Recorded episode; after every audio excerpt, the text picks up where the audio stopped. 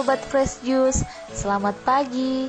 Berjumpa kembali dalam Renungan Daily Fresh Juice edisi OMK bersama saya Anastasia Nona, member OMK DFJ Fellowship 12 yang berasal dari Paroki Santo Yosef Pelindung Pekerja Manado.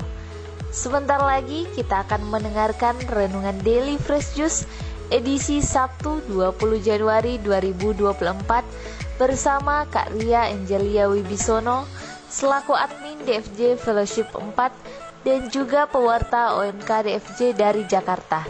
Selamat mendengarkan.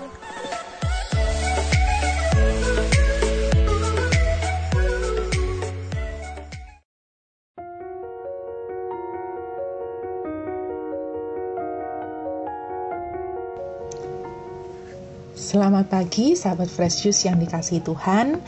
Mari kita tenangkan hati kita dan kita dengarkan Injil hari ini. Inilah Injil suci menurut Markus. Sekali peristiwa, Yesus bersama murid-muridnya masuk ke sebuah rumah. Maka datanglah orang banyak berkerumun pula, sehingga makan pun mereka tidak dapat.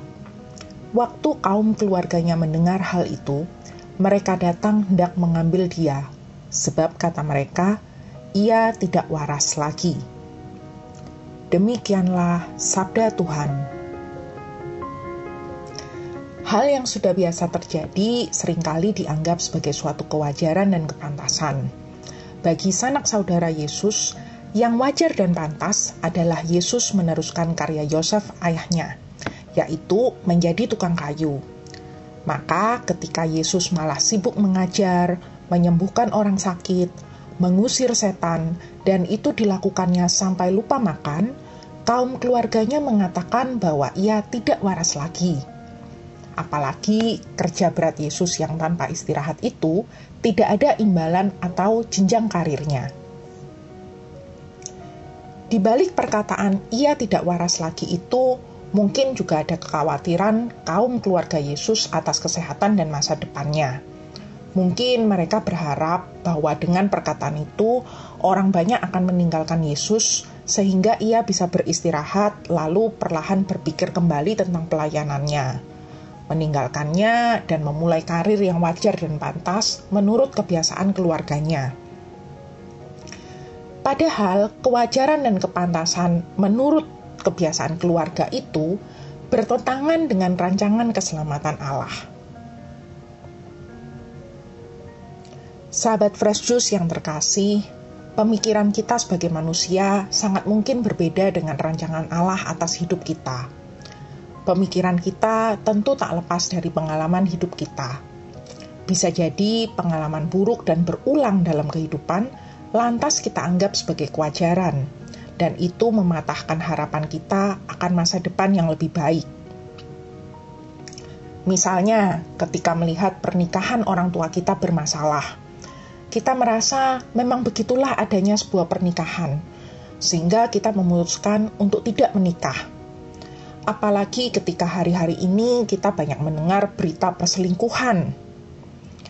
Lebih parah lagi jika kita sendiri pernah merasakan sakitnya dikhianati. Kita makin sulit untuk percaya bahwa orang yang setia pada pasangan itu masih ada di zaman ini Padahal keyakinan kita akan suatu hal sangat mempengaruhi tindakan kita yang pada akhirnya berdampak pada hasil yang akan kita dapatkan. Fenomena ini disebut self-fulfilling prophecy, nubuat yang kita penuhi sendiri. Kembali ke contoh di atas. Ketika kita sudah punya anggapan tidak ada orang yang setia, ketika kita menjalin hubungan, kita jadi mudah curiga dan posesif. Atau sebaliknya, kita bersikap acuh tak acuh karena merasa apa pun usaha kita pada akhirnya pasti kita akan dikhianati. Ketika pasangan sudah lelah dan benar-benar meninggalkan kita, kita makin yakin bahwa kita memang lebih baik sendiri. Sahabat Fresh Juice, mumpung masih di momentum awal tahun, Yuk kita refleksi diri. Apakah ada hal buruk yang sudah kita anggap sebagai kewajaran di hidup kita? Apakah kita sudah begitu lama nyaman dengan keterpurukan kita dan enggan bangkit kembali karena takut tersakiti? Apakah kita sudah enggan berharap karena tak siap akan kekecewaan? Ada sebuah kisah yang ingin saya bagikan sebagai penguat bagi kita semua. Ada seorang ibu yang mendapati dirinya tertular HIV dari almarhum suaminya ketika dia mulai merasakan gejala-gejala, ibu ini putus asa dan menolak pengobatan. Merasa semua itu percuma dan tak lama lagi ia akan dipanggil Tuhan. Dalam keterpurukan itu, ia dikunjungi konselor yang mengingatkan akan harapan ibu ini untuk mendampingi anak-anaknya hingga dewasa. Harapan itulah yang membuat ia mau berobat dan belajar bagaimana hidup sebagai orang dengan HIV Bahkan sekarang ia aktif melakukan edukasi terkait HIV. Dalam Yeremia 29 ayat 11, ada satu pesan Tuhan yang sangat indah bagi kita.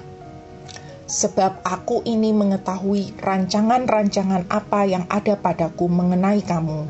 Demikianlah firman Tuhan, yaitu rancangan damai sejahtera dan bukan rancangan kecelakaan, untuk memberikan kepadamu hari depan yang penuh harapan. Saya berharap ayat ini bisa memberi kita harapan baru yang mempengaruhi pemikiran, tindakan, dan akhirnya membuahkan hasil yang baik atas hidup kita kelak. Pengharapan pada Tuhan tidak akan pernah mengecewakan kita.